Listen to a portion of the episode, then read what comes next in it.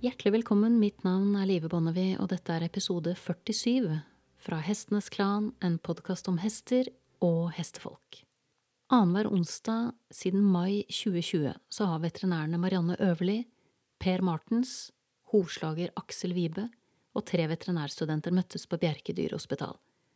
Det er alle del av et tverrfaglig prosjekt, der målet er å gi hester med et komplisert sykdoms- og skadebilde en helhetlig utredning og gjennom dette avdekke de bakenforliggende årsakene til problemet, og ikke minst prøve å gjøre noe med det. Dette intervjuet er delt i to deler, og dette er del to. Hovslageren.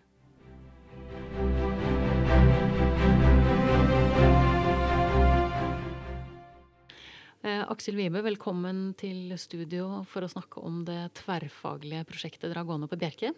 Tusen takk. Ehm, nå er jeg veldig spent på å høre litt om din bit i dette prosjektet. Som jo selvfølgelig handler om eh, skoinga primært, men selvfølgelig sikkert også flere ting. Ja, det, det, det handler jo om flere ting. og Det er derfor det har er flere, flere på teamet. Eh, det som er tanken her, det er jo at jeg skal prøve å dra nytte av ulike faggrupper. Og da er jo den faggruppa som jeg er i, er jo sentral når det gjelder hestehelse eh, på, på alle måter. Eh, men jeg, jeg, har lyst til å gå litt tilbake i tid. Eh, Ca.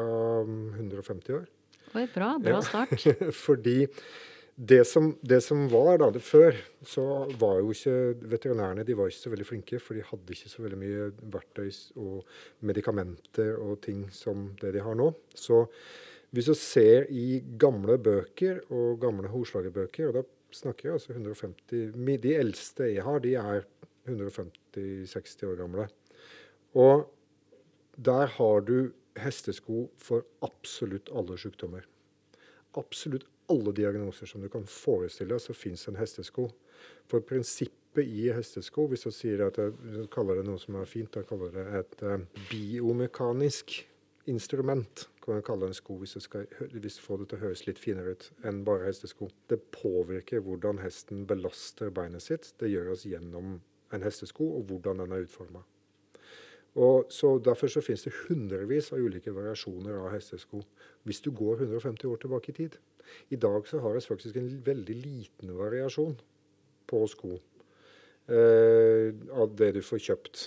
Så Derfor så er det da si det håndverksmessige biten som, som jeg har brukt en del år på å trene på, er ganske viktig i dette her. Og det som er så fint i dag, det er jo det at vi får stilt noen nøyaktige diagnoser. Tidligere så måtte vi gjette litt mer. Du kunne f.eks. bruke en hestesko hvis du hadde en, eh, en Du trodde at det var en hosenebeinshalthet, f.eks. Så kunne du legge på en sko som avlasta det området. Og da kunne du se ok, nei, nå ble den frisk. Ja, da var det sannsynligvis det det var. I dag så kan, har vi jo MR, og så har røntgen og så har ultralyd og alt mulig sånn, så du kan få stilt en mye mer presis diagnose og så legge på en sko som avlaster det området. Og Hvis du da i tillegg til det, eh, som vi kan gjøre nå, som vi ikke kunne for 150 år siden, det er jo da å medisinere det området for å behandle det.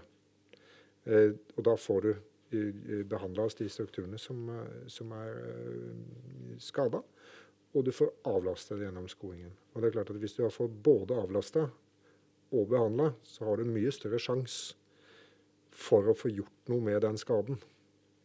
Og det er jo det som er hele greia her. At vi nå etter alle de altså si etter 150 år så kan vi da komme sammen og få det beste både av eh, mitt fag og av veterinærfaget.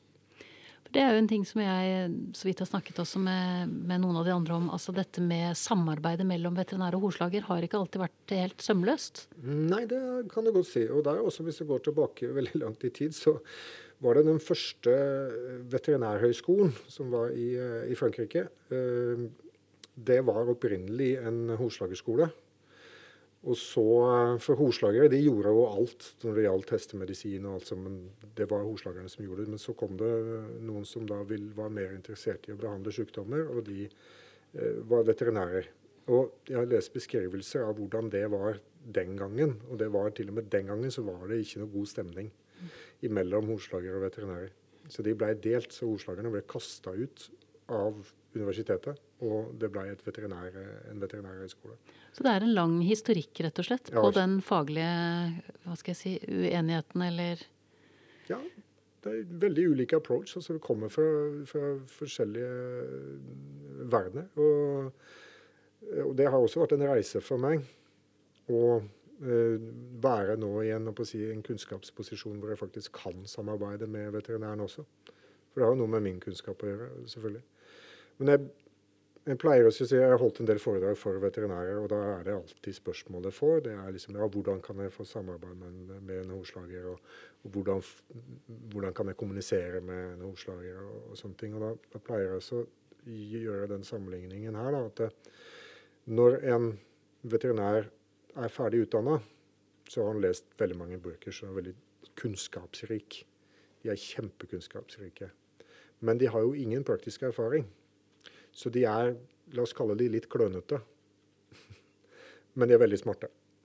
Mens en hoslager, når han er ferdig, som, uh, gått ferdig lærer og sånne ting, så har vi brukt veldig masse tid på å bli veldig flinke med hendene, men vi har nesten ikke lest bøker. Så vi er veldig praktiske, men vi er litt dumme. Så da kan du tenke deg, når en litt dum og en litt klønete skal komme sammen og prøve å bli enige om ting, det går veldig dårlig. Ja, jeg ser jo eh, tendensen til at det kan bli eh, Ja. litt friksjon på det, ja. Ja, men når det For da da kan det vel fort bli sånn at den smarte forteller den dumme hvordan det skal gjøres. Ja, mens den dumme ser på den som er smart og tenker ja, men du er veldig klønete, så hvorfor skal du komme her og fortelle meg noe som helst? Nettopp. For du kan jo ingenting. Du kan jo ikke leie en hest engang. Så, så det, det, er liksom, det er veldig grobunn for, for konflikt bare der, fordi at det kommer ifra praktisk eh, håndbåren kunnskap, hvor jeg har lært det fra min mester, som har lært av sin mester, som har lært av sin mester, som går 2000 år tilbake i tid. Det er en kjempelang tradisjon. Mens noen da har brukt hele livet sitt på å sitte og lese bøker. Først så skal de bli så flinke at de kommer inn på veterinærstudiet, for de må være veldig flinke for det. Og så skal de være superflinke for å klare å stå alle eksamene. Og så skal de være kjempeflinke for de skal bli hesteveterinærer, for det må være noe av det vanskeligste som fins for en veterinær. Så derfor så tar det da en del år. Så nå er, er det, begynner det å bli en, en 30 år siden jeg begynte som hovslager.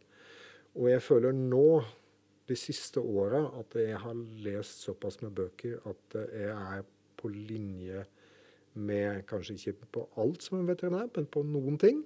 Så har jeg da brukt de 30 åra på å bli såpass uh, kall det smart at jeg kan samarbeide med en veterinær sånn som Per, som da ikke er så klønete lenger. For han har holdt på ganske lenge med hest, han òg. Så det er noe med det at du trenger å modnes litt òg. Mens Marianne må jo si, altså hun er jo et unikum, så hun er lærer jo alt veldig, veldig veldig fort. Så det, det er superartig. Så det er jo fantastisk da at dere har klart å overkomme denne lange historien av eh, avstand. Mm. eh, Og fått på plass dette tverrfaglige samarbeidet hvor det beste fra din verden og det beste fra veterinærenes verden kan møtes. Ja. Kan du si litt om hvordan det eh, arter seg i praksis? Altså din, din bit av jobben når en hest kommer inn eh, og skal utredes? Eh, Da er det det som er veldig fint, at her kan vi gjøre utredningene sammen. Altså at jeg kan følge deres utredning, og så kan diskutere ja, hvordan hesten beveger seg. Eh, og jeg kan da f.eks. komme med et innspill om at ja, men den er høy utvendig der, så det er ikke så rart at den går på den måten. Eh, og de kan si ja, nei, men den har jo en skade i et gaffelbånd der, så derfor så ser det sånn ut. Så da, da, da kan det komme sammen i og med at man står der og har den undersøkelsen sammen der. Ser de samme tingene og diskuterer de samme tingene. Så dere løser en detektivgåte eller legger et puslespill sammen på et vis i forhold til å kartlegge hvor problemet til hesten er? Ja. Istedenfor at eh, en veterinær går ut og så undersøker en hest, og så ringer til meg etterpå og vil diskutere den hesten med meg som jeg ikke kanskje har sett engang. Det er veldig mye vanskeligere enn at du står der sammen. Og eh, det er vel den eh, praktiske biten der, da, også at jeg da får jeg beskjed om hva de vil gjøre. altså hvor Hvilke strukturer er det de behandler. Eh, tenker de at hesten skal rett ut i trening igjen? Tenker de at den her skal ha bokshvile, eller skal den ha lett trening?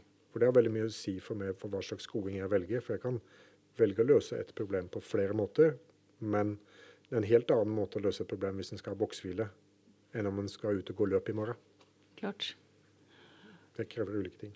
Og du nevnte at i gamle dager, gode gamle dager så hadde man noen sko for alt. Og Ja. vi har jo fortsatt noen variasjoner, men det er kanskje ikke først og fremst på selve skoen eh, forskjellen er når du eh, gjør din del av jobben, eller er det fortsatt det? å, ja, ja, ja, ja. Det er i, i veldig stor grad. Men eh, det er jo det at det, det, det er det håndverksmessige. Så si at når det tidligere var sko, så var det jo ikke lagd. De var jo smidd av en smed. Så eh, i og med det, altså, selv om i dag så bruker vi mye halvfabrikater og så bruker mye kunststoffer og så bruker en del moderne midler, men fortsatt så er det jo mine håndverkskunnskaper som kan gjøre en, eh, en vanlig sko til et eh, biomekanisk instrument. Og det er, ligger i mine, mine ferdigheter, som jeg har brukt mange år på å trene opp. Eh, så, så ja, ja, nei, jeg kan lage alle variasjoner. Men, og, jeg, og jeg tilpasser det. Hvis jeg vil avlaste en bøyescene, så kan jeg gjøre det på ja, 10-20 forskjellige måter. Alt ettersom hva den hesten trenger til sine ting. Siden jeg har hatt en hest som hadde problemer med en bøyscene, gi meg noen eksempler på hva du kunne gjort for å gjøre livet hans bedre. Sånn, øh, Det er litt fjernhealing, dette, da. Jeg skjønner at det liksom jeg aner meg allerede nå at du kommer til det. går ikke an å si noe generelt om det. Å jo da. Men, det, men ikke sant, altså, hva kunne du f.eks. gjort da, for å gjøre hans eh, liv bedre hvis, eh, hvis han har en sånn type sceneproblematikk? En, en bøyescene typisk, da tenker jeg på det, altså det som ligger bak for hoven. Sant? At det, I den belastningsfasen. For det er jo klart at da må jeg tenke på OK. Eh, det er ulike strukturer som belastes på ulik måte gjennom alle stegets, eh, alle stegets faser. F.eks. i svevfasen, i, eh, akkurat i landingsfasen, i belastningsfasen og i overrullinga så vil jo da den bøyescena som du har der, den vil belastes på ulik måte i disse ulike fasene. Så da må jeg gå inn og så må jeg se på ok, eh, hvordan er hesten bygd. Er det, har den en veldig lang kode? Da betyr det at den her den vil belastes veldig mye i, i altså Der jeg går stresset på scenen, det er i belastningsfasen. Så jeg må tenke på hvordan skal jeg gi den støtte i draktene, f.eks. Det kan være en ting som kan være veldig fornuftig på en sånn her. Eh, jeg kan ta noen røntgenbilder og se har den lave drakter. Hvis den har lave drakter, så må jeg gjøre noe med det. Det kan være med kiler eller ulike måter. Og så er det da eh, Du blir også utsatt for eh, BCM blir også utsatt for belastning i overrullingsfasen. Og Da må vi se på har den en lang tå. Eh, hva slags arbeid gjør den? Trenger den en lang tå? Trenger den en kort tå? Hvordan er hovkvaliteten? Osv. osv. Som gjør at en kan løse den der sånn. Men da, da blir det det å gå inn og se på ja, hvordan hesten er skapt. Men eh, å velge løsninger, eller å bruke, og velge løsninger ut fra det. Men eh, en lang sko, eventuelt en eggbar sko, vil det kunne være en løsning på, på det. Hvor mange eh, hovslagere har på en måte befatning eh, av sitt fag på dette nivået? For jeg føler jo at vi, Nå snakker vi i hvert fall over Ikke til forkleinelse for alle som har skodd hesten min gjennom 40 år, men nå føler jeg at vi snakker over nivået på noen av dem. Uten at det er slemt å si det. Hvor mange er det som er liksom i det området der du er, hvor, hvor man gjør det Det høres mer og mer ut som en vitenskap, da. En blanding av vitenskap og kunst, egentlig. Eh, ja, det, er, det er ikke alltid det er så kunstferdig, men eh, kan være mye gris òg. Eh, nei, altså det er jo det, dette, altså Når du sier du kaller det vitenskap, så er, jo, så er det jo det. Det er jo fysikk. Altså det er jo, det er jo krefter, det er jo belastning. Eh, så, så ja, det er, det er vitenskap. Og så må du bare ha, ha ferdigheter nok og utstyr nok til å løse det. Men eh, jeg, jeg vet ikke om jeg skal si noe tall på det, men det jeg kan si der, er at det, det har jo Jeg tok mitt fagbrev i 96, og det er da var det 25 år siden. På den tida der så har det jo vært en revolusjon. Ja, har det ikke det? Det har skjedd veldig, veldig mye, og det aller meste positivt. Eh, så så det, det er jo mange med god kunnskap, og det er mange med, som er interessert. Og det er tilgangen på altså Den gangen så husker jeg at da, da hadde vi hørt om noe som var nytt i USA.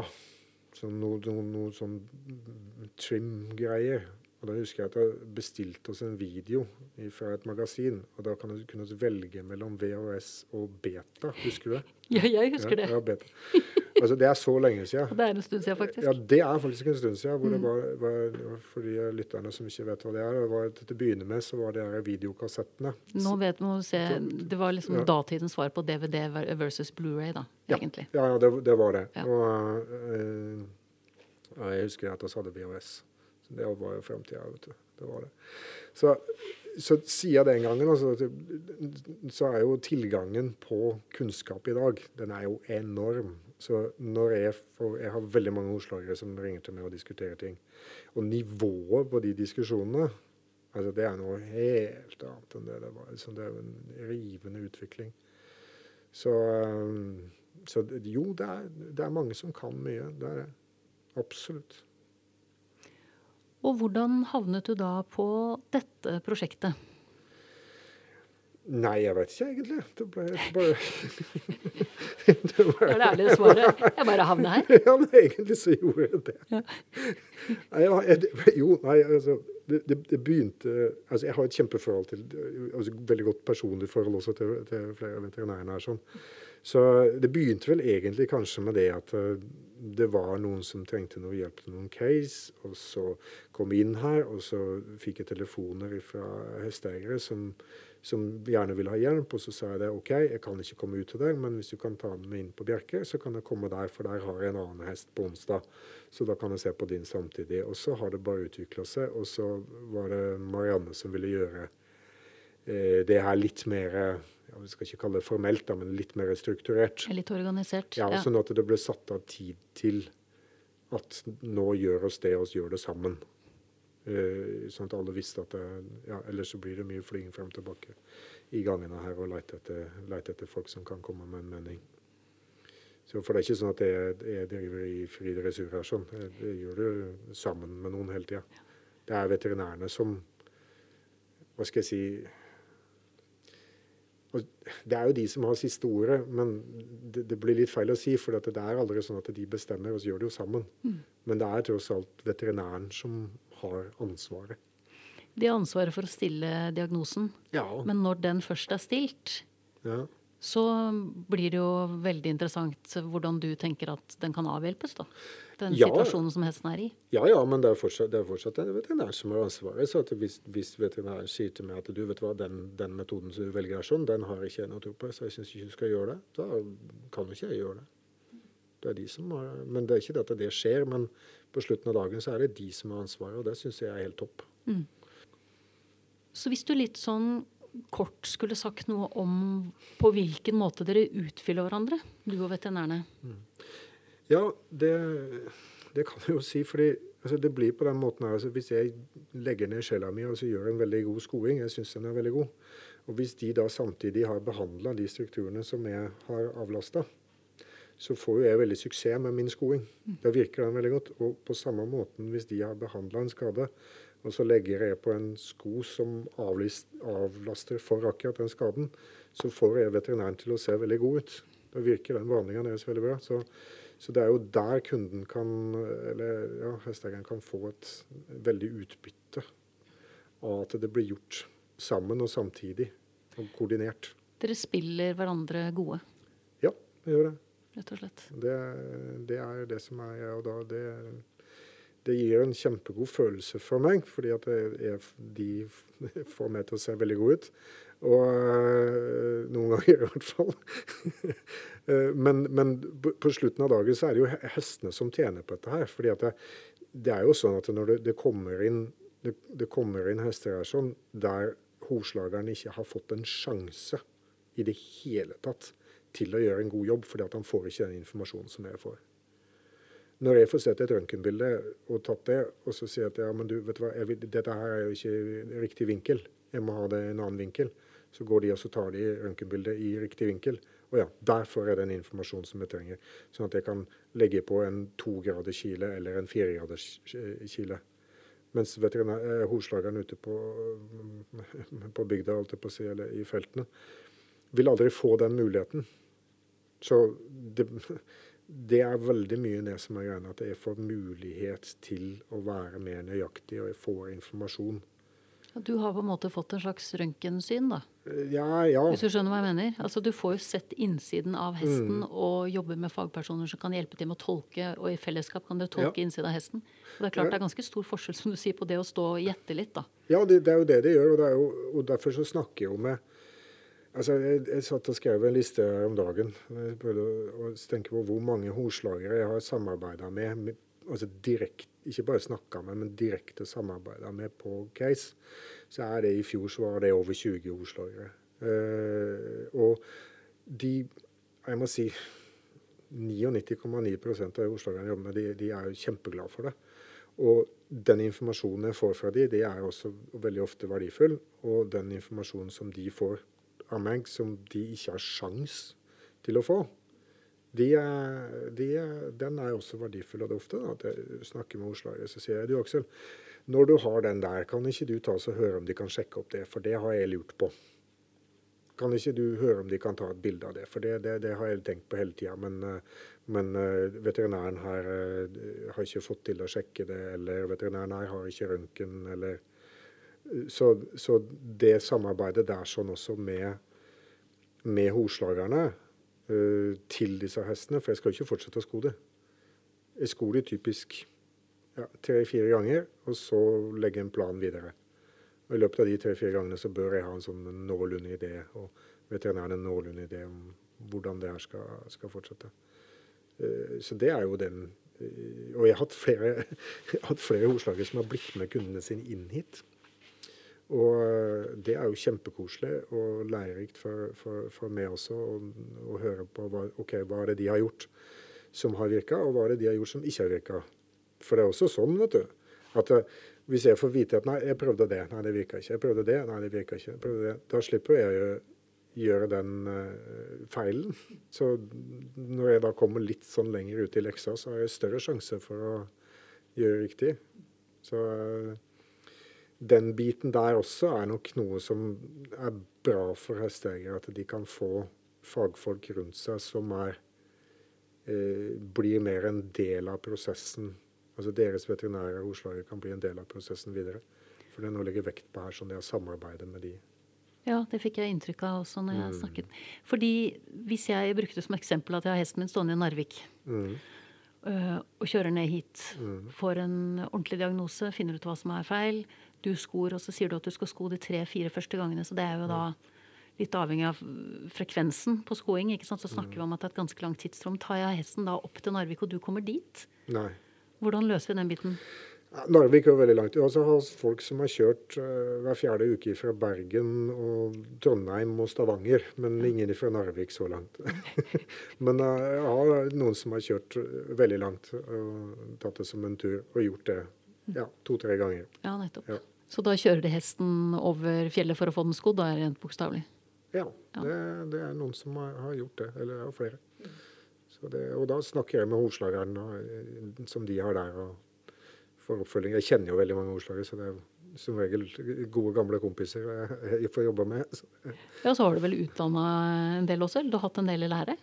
Jeg har hatt noen i lære. Jeg har jo brukt noen av dem, for å si det sånn. Ja, ja, det- det, det har jeg brukt. Jeg har lært opp noen og holdt mye kurs og, og sånn, så det, det, det er veldig ofte folk jeg kjenner godt. Så når du da skal snakke med horslageren i Bergen, da, etter at dere har skodd disse første rundene, er det en telefonsamtale, eller er det best at han kommer og på en måte får setting. Eller kan du rett og slett overføre den informasjonen muntlig? Eller bruker dere bilder, eller hvordan, hvordan klarer du å sette ham eller henne i gang med å sko? Veldig ofte så går det veldig greit med bare en samtale. Uh, og litt sånn guidance uh, på det. Og så får de selvfølgelig også tilgang på altasjonaler og, og røntgenbilder og, og sånne ting.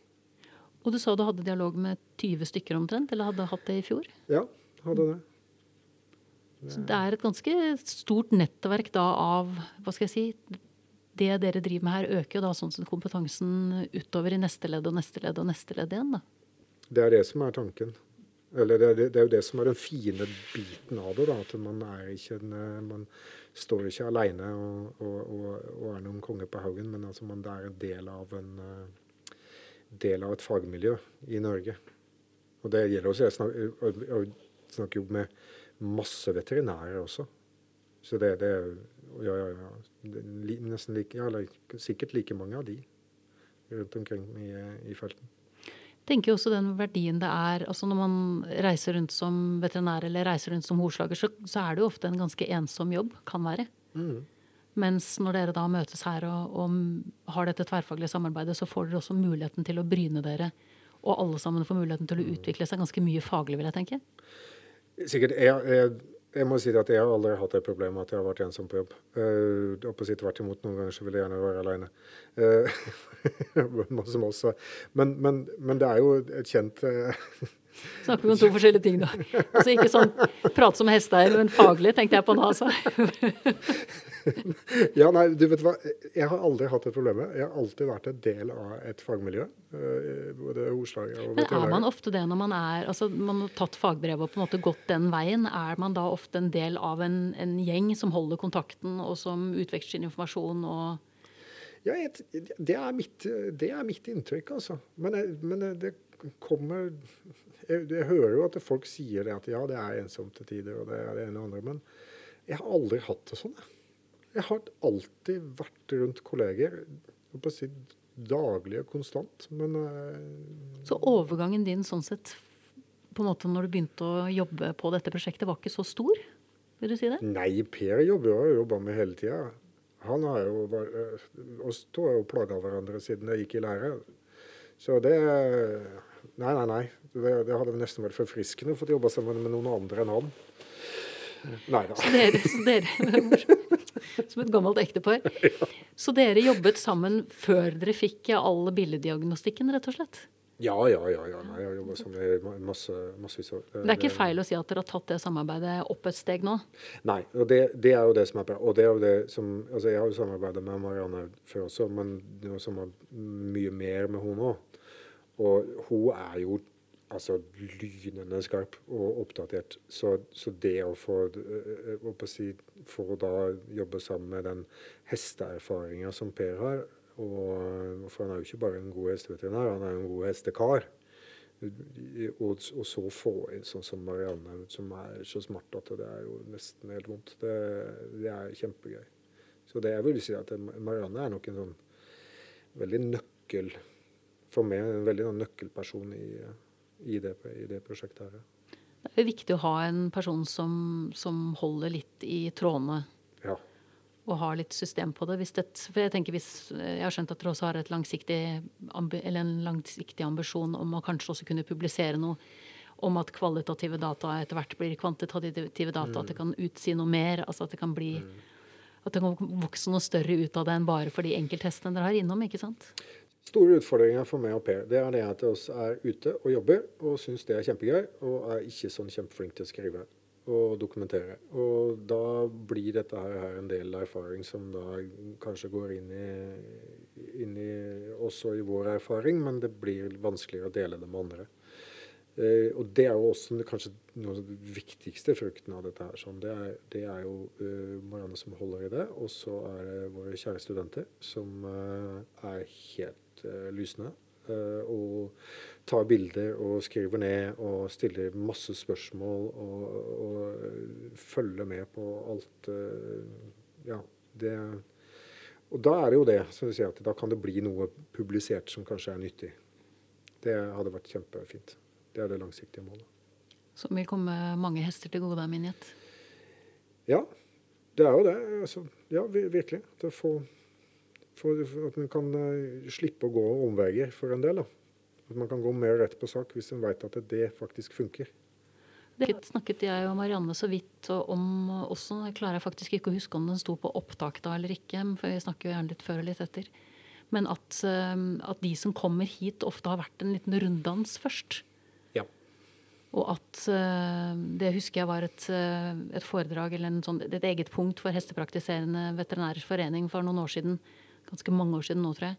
Hvor man hadde en diskusjon på hvorfor har ni av ti tror var, såpass høyt, ni av ti har kontaktet andre ressurser innenfor helse i Gåsøene, før de kontakter veterinær. Ja.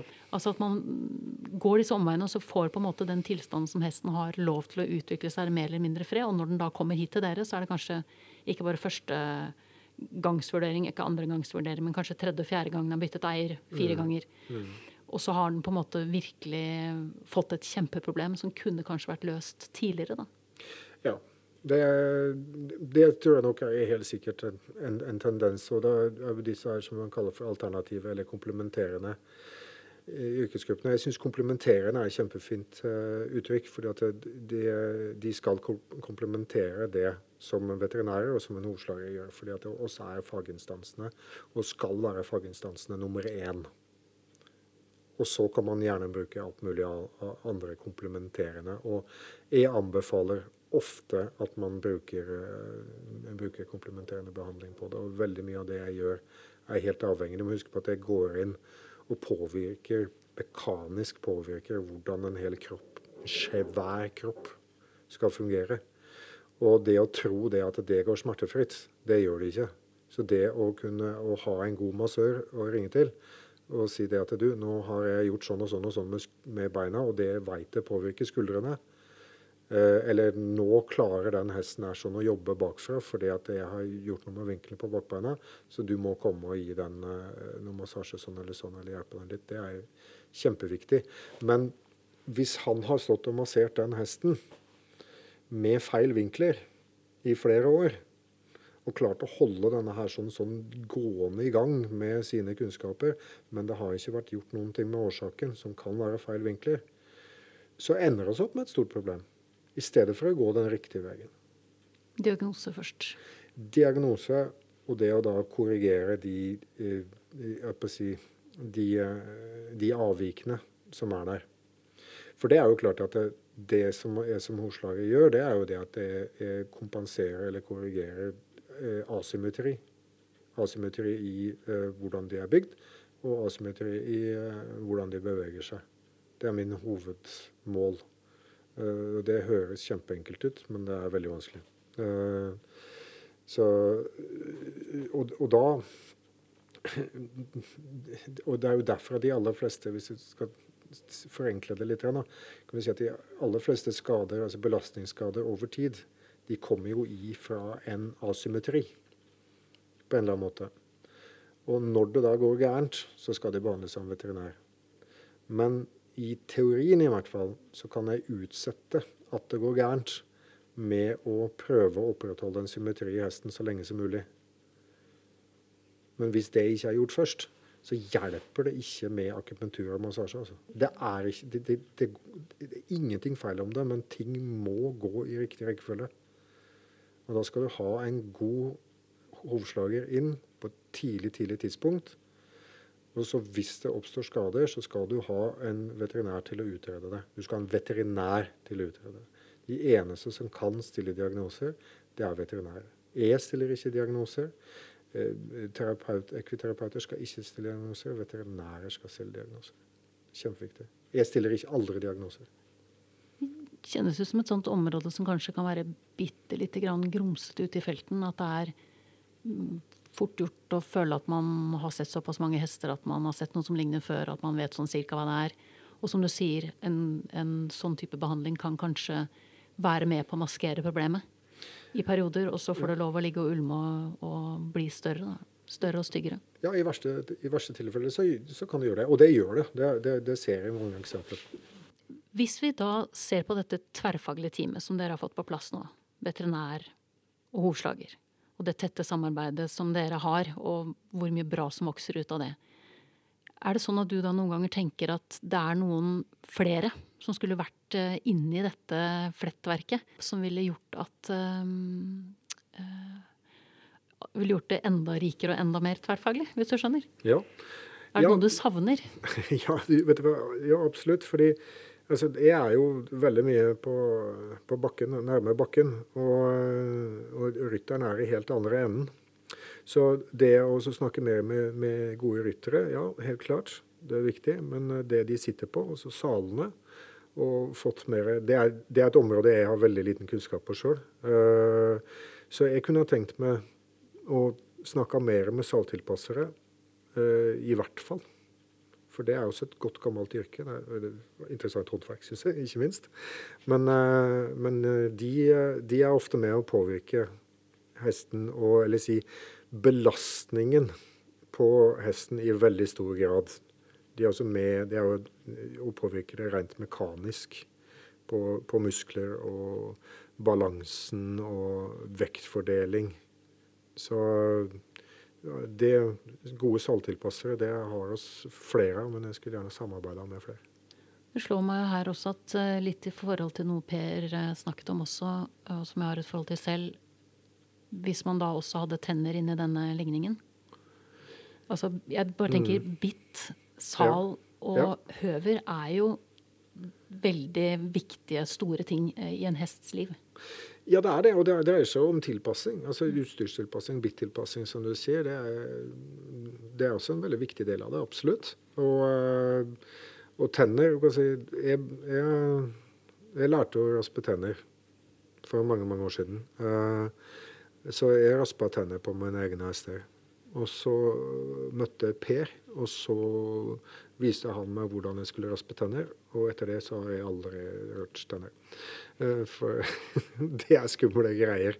Og jeg tror ikke engang det at det er alle veterinærer som, eh, som nødvendigvis har en, den spisskompetansen der er et helt eget felt. De som er flinke på det, de er så, de er så nerdete og flinke på det at det Og det er også, det er også en, en, viktig greie med eh, altså, hvordan et bittet si, Hvordan kjevene og hvordan det fungerer, altså nevrologisk, så påvirker jo det hele, hele hesten også. Og Du kan også se det at når, når, hesten får styr på tennene sine, så kan den bli lettere å sko bak. For han har ikke vondt i ryggen lenger, eller han har ikke vondt i nakken lenger. Det er jo ingen tvil om at det dere holder på med her, er fremtiden, da. Altså det at man, det at man tar det beste alle som driver med hest i sine ulike ender, har å by på.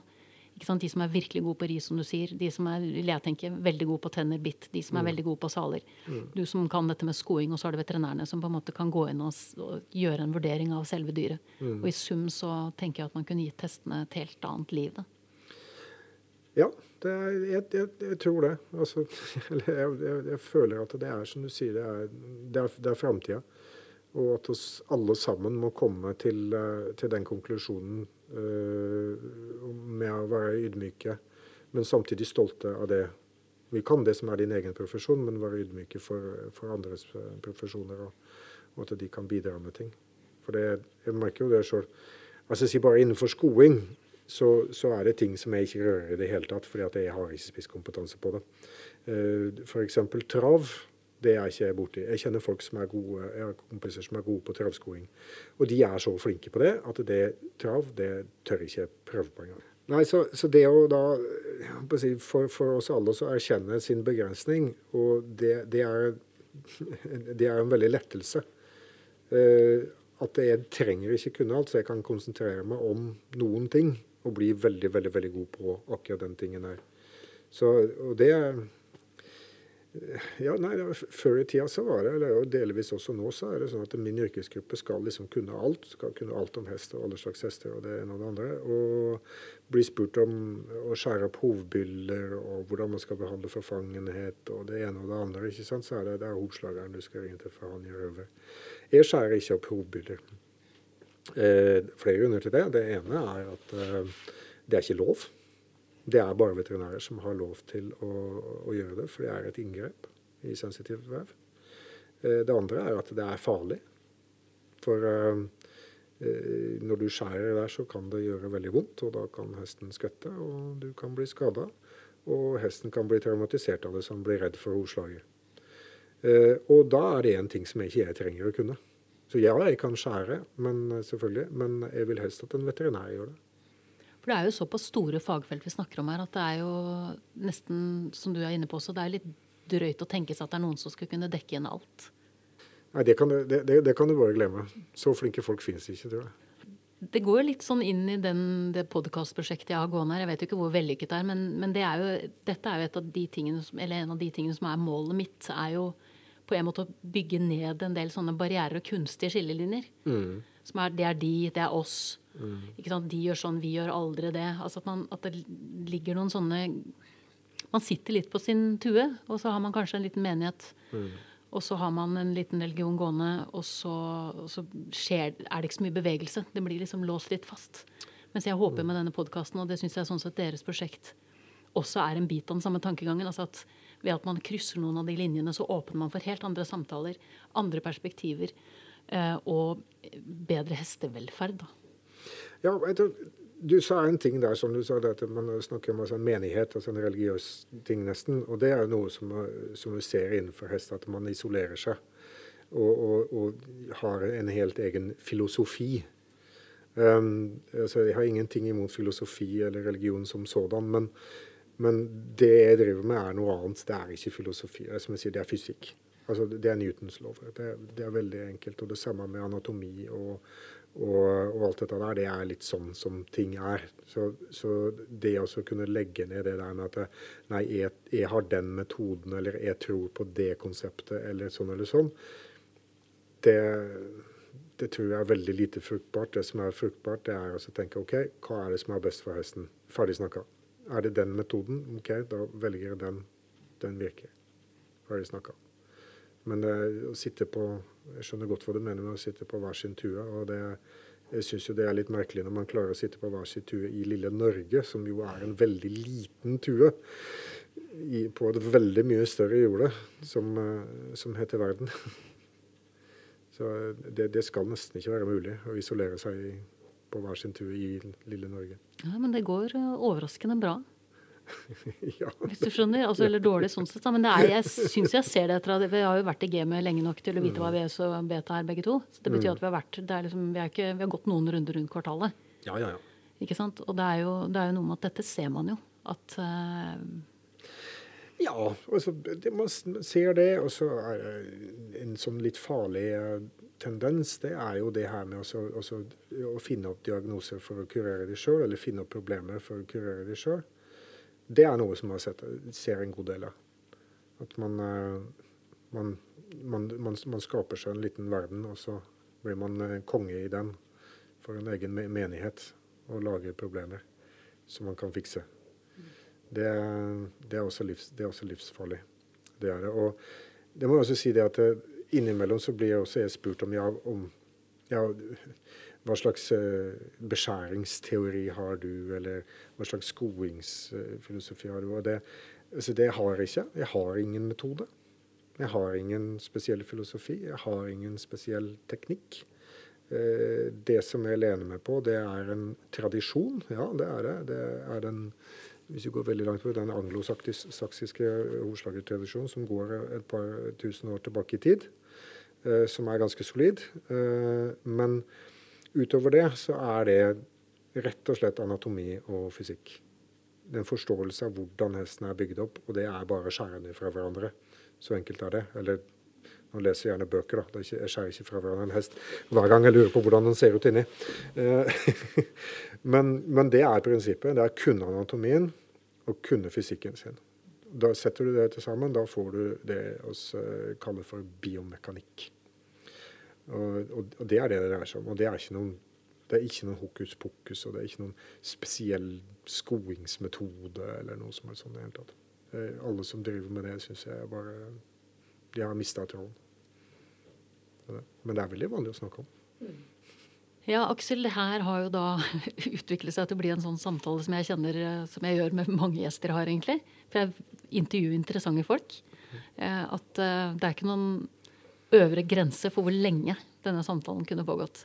Jeg syns det er smertefullt å på en måte antyde at vi nærmer oss det punktet hvor det er på tide å sette strek, men jeg tror vi er rundt der nå.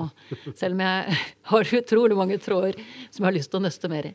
Men jeg har tenkt å ta tak i den faste tråden som jeg alltid nøster i, og det er at jeg spør gjestene mine om det er noe de har lært i løpet av den tiden de har tilbrakt med hest, og gjerne sitt fag, som de tenker at det her kunne ønske at hestfolk hadde visst, eller at det her kunne ønske at hestfolk hadde vært mer bevisst på. Om du har en sånn sånt uh, punkt. Ja, eh, jeg har det. Eller jeg har mange. Men, eh, men sånn spesielt i den sammenhengen her, sånn, så, så, er det noe jeg har lyst til å dra fram. Og det, er, det, det, det, kommer til å være kjempelogisk for alle som holder på med hest. Fordi når du begynte med det her sånn, å ta veldig mange røntgenbilder og gå gjennom hester og alt det sånt, så så det, er det et veldig fokus på frambein. Fordi der er det veldig mange diagnoser som blir stilt. Så til å begynne med så var det bare snakk om det. Jeg ville ha røntgenbilder av alle fire beina. Og jeg sa hvorfor skal du det? Det er problemet sitter foran. Og veldig ofte så sitter ikke problemet foran. Konsekvensen av problemet sitter veldig ofte foran. Men selve problemet er veldig ofte avvik i beinstillinga bak. Og hvis du tenker på det at det der bak er motoren, og hvis du tenker på all, all rideundervisning, all kjøring, alt mulig, så snakker vi om at du skal få hesten til å bære seg bak. Du skal få hesten til å bære seg bak. Du skal ri under. Alt det er sånn. Det er det som er fokuset. Det er det som er god ridning, god kjøring. Alt det er sånn. Og hvorfor snakker vi da ikke om hvordan hesten står på beina bak? Hvordan blir hesten skodd på bakbeina? Og det å da rutinemessig ta røntgenbilder og alltid undersøke bakbein, sjøl om det kommer inn med frambeinsproblematikk, det tror jeg er kjempeviktig. Og det er ofte den mest effektive måten jeg kan hjelpe en rytter på. Og det er liksom der, tilbakevendende eh, eh, tilba, altså tilbakevendende eh, feedback som jeg får fra fra, fra, kunder, altså fra case som jeg jobber med her, det er Og nei, nå ble den så mye lettere å ri. Og det er jo ikke fordi at jeg har gjort et eller annet for den, det er jo fordi at jeg har hjulpet den bak. Og det er nesten ingen, jeg vil si ingen, som kommer inn for bakbeinsproblemer. De kommer inn for frambeinshalthet. Men det er ikke der problemet er i 80% av tilfellene. Den ligger i motoren bak? Den ligger i motoren bak rett og slett. I hvilken Nå ble jeg litt sånn det, Motoren bak er jo en stor bit av hesten. Ja. Så hvor er det du oftest ser at uh, svakheten ligger i motoren bak? Eh, nei, det, er, det, har med vinkel å snakke på og snakker veldig mye om det som vi kaller for hovedbeinsvinkel, altså den posisjonen som hovedbeinet har i forhold til bakken. Og der er det noe som kalles for palmar- og plantarvinkel som eh, litt teknisk palmarvinkel, det er da foran, mens eh, plantar det er bak. Og Det er da posisjonen på hovedbeinet i forhold til bakken. Og det at vi har da en negativ plantarvinkel, er veldig vanlig. Og det påvirker Hvis du har en negativ palmarvinkel, altså på frambeina, så påvirker det strukturer langt ned, sånn hosenebein og bøysener og alt det der sånn, får, og, og, og hovledd og kronledd og koder. Men hvis du har en negativ plantarvinkel, altså du har en lang tå på bakbeina, rett og slett, så får du ikke problemer nede i foten først. Du får problemer høyere opp. Problemer da blir sittende i hasene og i baknærene og i krysset, eh, isosakralledd, eh, ryggen, alt dette her. Eh, så da begynner man kanskje ofte ikke å leite nede i hoven på vinkelen, for den har jo vondt i hasene. Så da behandler vi hasene, og så ser vi ikke der nede. Mens på frambein så tenker jeg ok, nei, den har problem i hovedleddet. Ja, det er fordi den er lang på tåa på frambeinet. Så det er en sånn tilbakevendende uh, ting. At den er altså rett og slett på enkleste måten å si den er for lang på tåa. For lav i draktene på bakbeina. Takk for denne veldig interessante avslutningen på en veldig interessant prat. Mm. Satte veldig stor pris på at du satte av tid til det. og bidro til å utvide i hvert fall min horisont. Det har dukket opp en ting eller to her som jeg tenker at jeg tar med meg videre.